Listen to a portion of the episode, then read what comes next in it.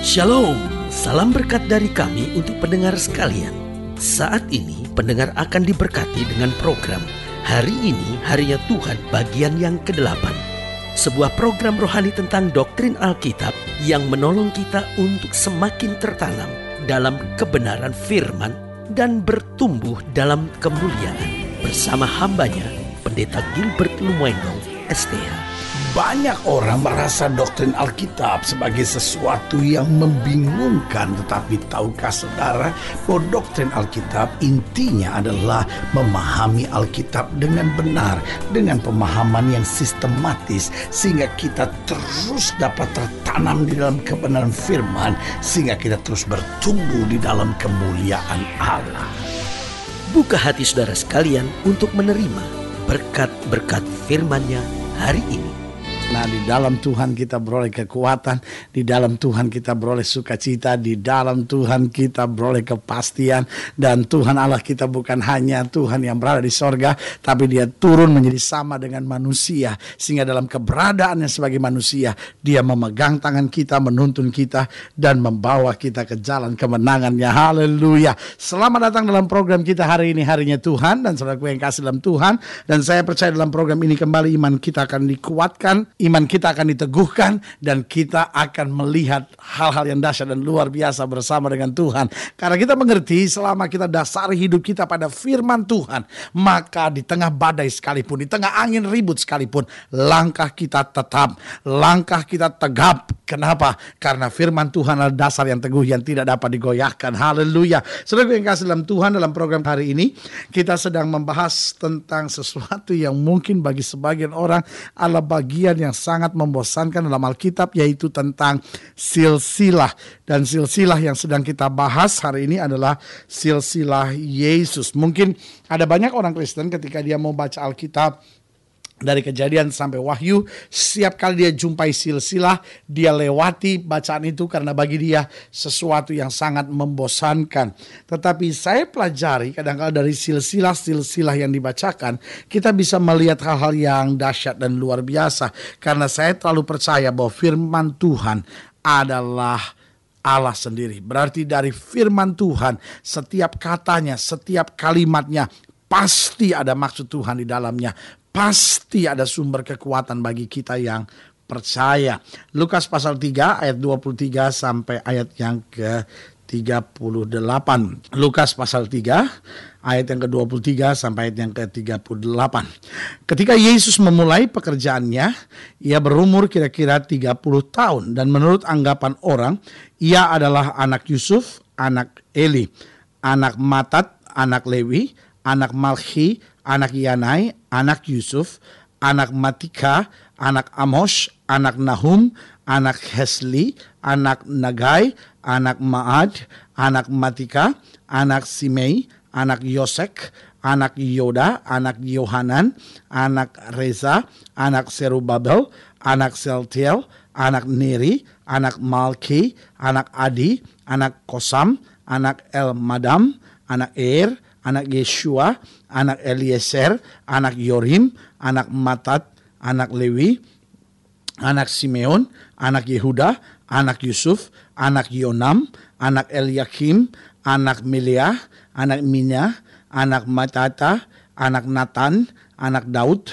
anak Isai, anak Obed, anak Boas, anak Salmon, anak Nahashon, anak Abinadab, anak Admin, anak Arni, anak Hesron, anak Peres, anak Yehuda, anak Yakub, anak Ishak, anak Abraham, anak Terah, anak Nahor, anak Seruk, anak Rehu, anak Pelek, anak Eber, anak Salmon, anak Kenan, anak Arpaksad, anak Shem, anak Nuh, anak Lamech, anak Metusalah, anak Henoch, anak Yared, anak Mahalel, anak Kenan, anak Enos, anak Set, anak Adam, anak Allah.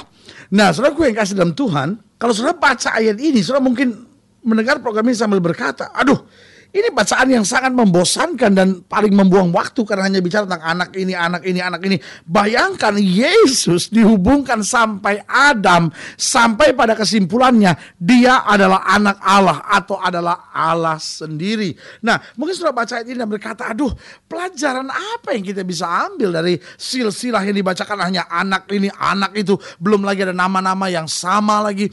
Pelajaran apa yang bisa kita ambil? Nah, saya lihat coba mulai dari ayat yang ke-23 dikatakan demikian. Ketika Yesus memulai pekerjaannya, ia berumur kira-kira 30 tahun dan menurut anggapan orang, ia adalah anak Yusuf, anak Eli. Berarti yang pertama, pelajaran pertama yang bisa kita ambil di sini bahwa segala sesuatu yang dikerjakan oleh Allah pasti direncanakan dengan baik, dengan baik. Segala sesuatu yang direncanakan oleh Allah pasti direncanakan dengan baik. Segala sesuatu yang dikerjakan oleh Allah pasti direncanakan dengan baik. Nah, saudaraku yang kekasih dalam Tuhan, Allah sedang mau mengajar kita bahwa sering kali kita gagal bukan karena kita nggak mampu, sering kali kita gagal bukan karena kita nggak sanggup, sering kali kita gagal karena kita tidak merencanakan sesuatu sebaik-baiknya. Saya ambil contoh sederhana. Ada banyak rumah tangga yang hari-hari ini goyah. Ada banyak rumah tangga yang hari-hari ini goncang. Sebetulnya hanya karena sangat sederhana sekali. Karena tidak merencanakan pernikahan itu dengan baik. Karena tidak merencanakan keluarga itu dengan baik. Dia pacaran sembarangan. Dia menikah asal menikah tanpa pengertian yang jelas. Masuk pernikahan tanpa konseling pranikah yang jelas.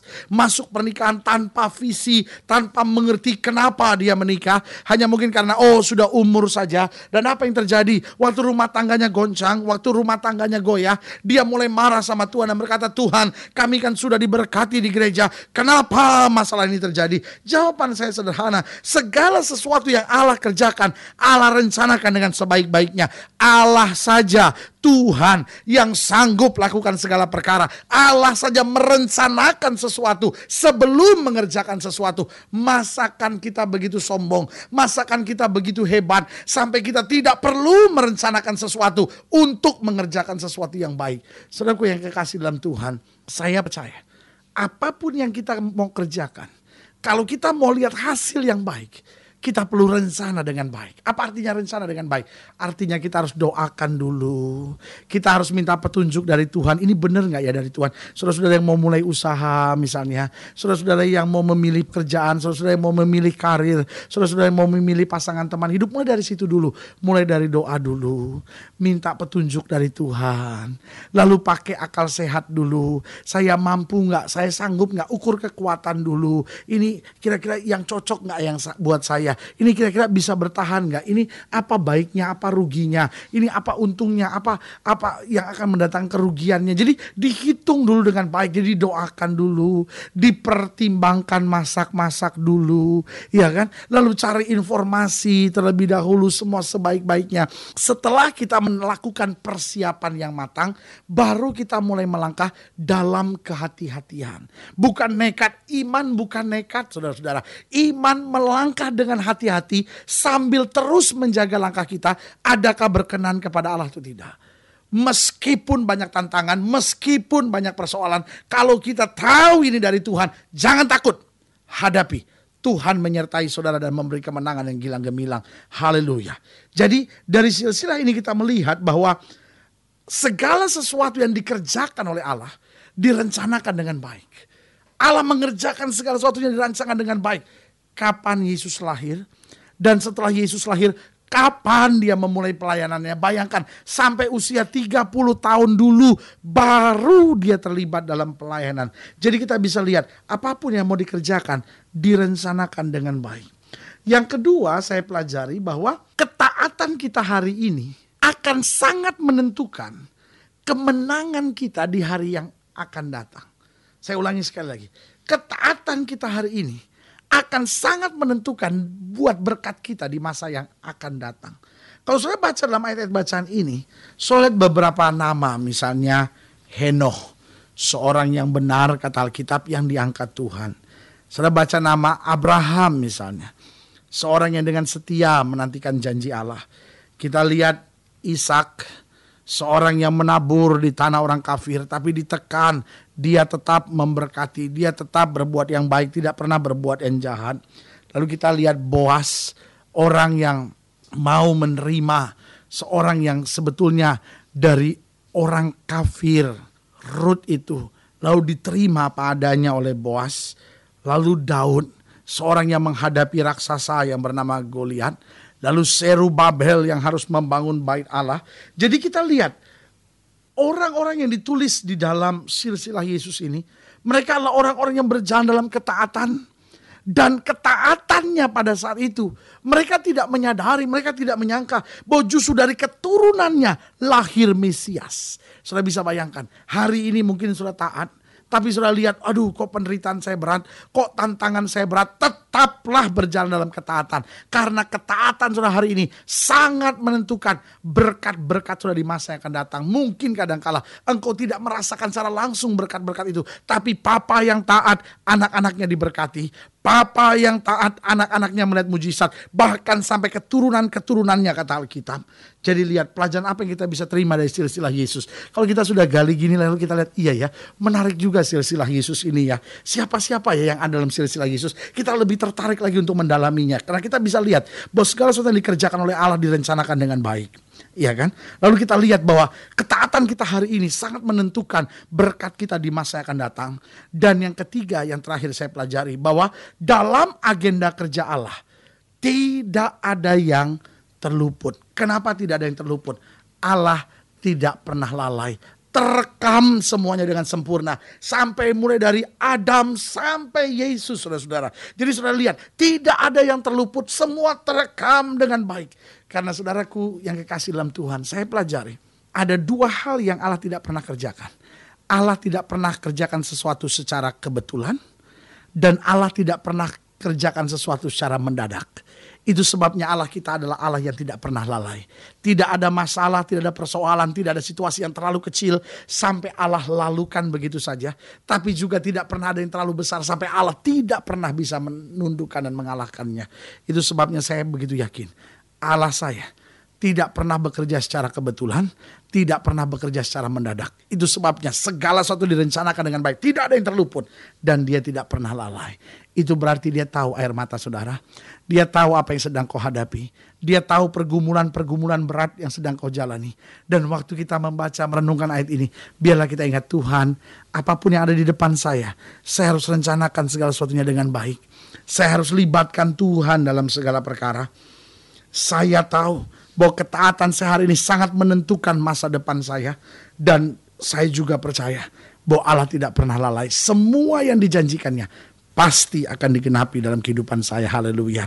Karena itu pendengar sekalian, jika saudara ingin dilayani lebih jauh, hubungi kami melalui surat, hubungi kami melalui telepon, kunjungi website kami. Karena kami ada untuk membawa Bapak Ibu Saudara sekalian senantiasa lebih dekat pada Tuhan, mengalami kasih kuasa mujizat yang luar biasa karena kita terlalu percaya bagi Yesus tidak ada perkara yang mustahil. Haleluya. Kalau saya ingin didoakan secara khusus pada program ini juga, saya izinkan Saudara taruh tangan kanan Saudara di dada. Setiap Saudara mau didoakan secara khusus, Saudara boleh taruh tangan kanan Saudara di dada. Kita doa karena kita percaya bagi Allah tidak ada perkara yang mustahil.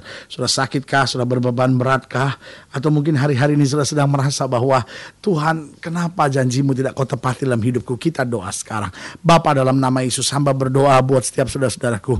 Mereka yang sakit, mereka yang berbeban berat, mereka yang menghadapi masa-masa yang sukar, mereka yang menghadapi tantangan, mereka yang mungkin hari-hari ini sedang bingung karena berbagai tekanan kehidupan yang sedang mereka jalani. Hamba berdoa saat ini di dalam nama Yesus. Kami tolak segala sakit penyakit, kami tolak segala kelemahan tubuh, tekanan yang mau membelenggu orang percaya. Kami patahkan kuasa di dalam nama Yesus. Sehingga melalui program ini kembali kami alami zaman Tuhan, kasih Tuhan, kuasa Tuhan. Dan kami raih kemenangan yang berkelimpahan. Di dalam nama Yesus kami berdoa dan kami percaya janjimu ya dan amin. Haleluya. Amin. Saudaraku yang kasih dalam Tuhan kita sudah berdoa. Imani apa yang sudah sudah doakan. Karena bagi Allah tidak ada perkara yang mustahil. Haleluya.